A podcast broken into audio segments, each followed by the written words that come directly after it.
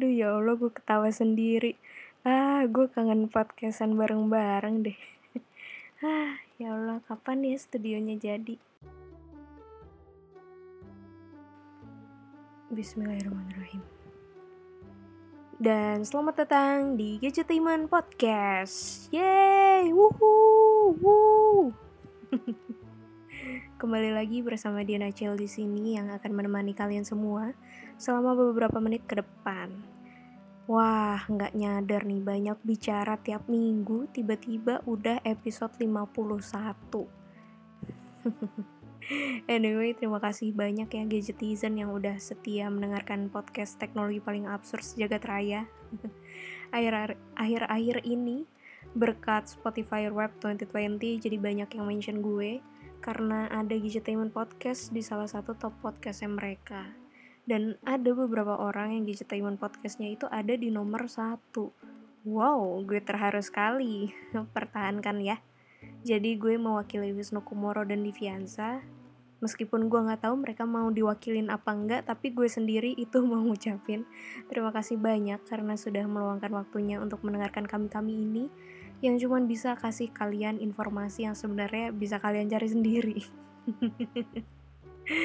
kita bagian kasih efek geli-gelinya aja gitu ya kan dikit biar gak bosen ya anyway di akhir tahun ini ada kabar yang mengejutkan nih bagi Samsung user karena baru aja terjadi kebocoran informasi yang beredar di internet mengenai Samsung S21. Jadi beberapa hari yang lalu juga Gadgetainment itu sempat ngepost di Instagramnya penampilan dari Samsung Galaxy S21 Plus itu sendiri. Jadi bisa dibilang nih Samsung Galaxy S21 series ini nantinya punya bezel yang tipis, terus ada punch hole di bagian tengah atas ya kayak Samsung sebelumnya lah ya. Belum tahu pasti berapa ukurannya tapi diduga punya ukuran yang sama kayak Galaxy S20 Plus yaitu sekitar 6,7 inch. Um, yang gue langsung jatuh cinta ini sama produk ini ya itu sudutnya itu bukan kotak tapi curve. Jadi sedikit melengkung gitu ya kayak kayak iPhone. Di itu di belakangnya ada tiga kamera terus tapi dia ini beda dari Samsung yang lainnya karena di belakangnya itu kam body kameranya, body bagian kameranya itu warnanya beda sama body belakang yang keseluruhan. Paham nggak maksud gue? Nah, kalau nggak ngerti lo coba deh lihat di postingannya Gadgetainment. Itu ada tuh di situ. Setelah gue melihat nih kebocoran gambarnya, sejujurnya gue langsung tertarik.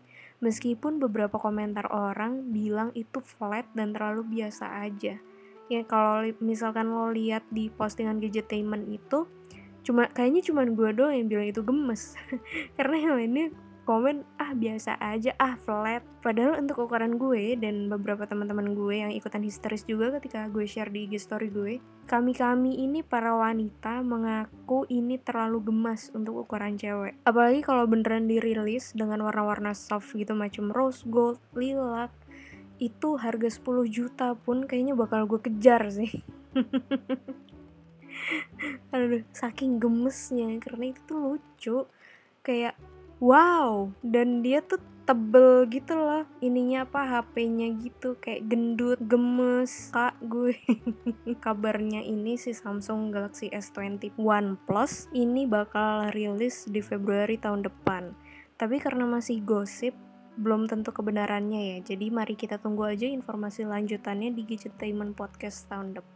Ya, menurut lo gimana setelah uh, melihat melihat apa bocorannya itu di postingan Gadgetainment di Instagram? Silahkan komen di kolom komentarnya ya kira-kira uh, lo bakalan beli atau enggak. Kalau gue sih jujur gue bakalan beli. Berapapun harganya akan gue kejar tuh HP. Emang kalau Aries suka gini kalau udah semangat sama suatu tujuan tuh sama satu tujuan tuh bakal dikejar terus sama cowoknya juga begitu sampai gue dapet tuh cowok Iya, yeah, gue kejar terus. Jadi ngomongin cowok daripada asal ngomong nih ah, gak jelas banget. Lebih baik diem kayak mata uang virtual Facebook yang baru ini.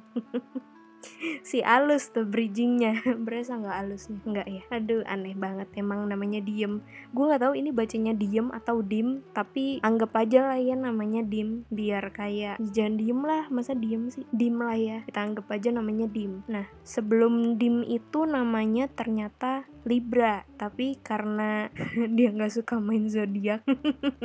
Katanya zodiak itu adalah hal yang berdosa.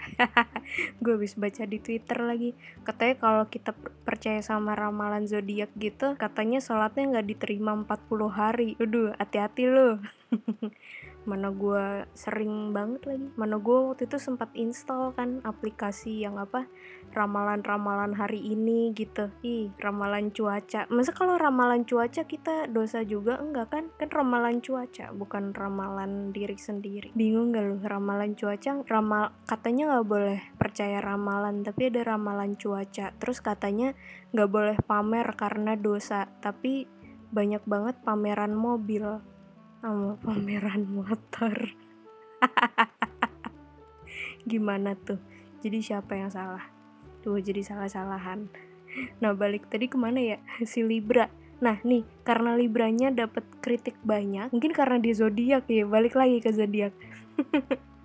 Tapi karena dia banyak dapat kritik banyak nih dari semua orang jadinya dia berubah lah tuh nama jadi Dim. Tapi sebenarnya bukan semata-mata karena namanya ya mungkin karena emang apa ya sistemnya si Libra itu juga belum belum bagus belum baik untuk dirilis gitu. Jadinya diganti nama jadi dim. Kalau lo nggak tahu dim gue juga nggak tahu dim. Nah ini gue baru baca.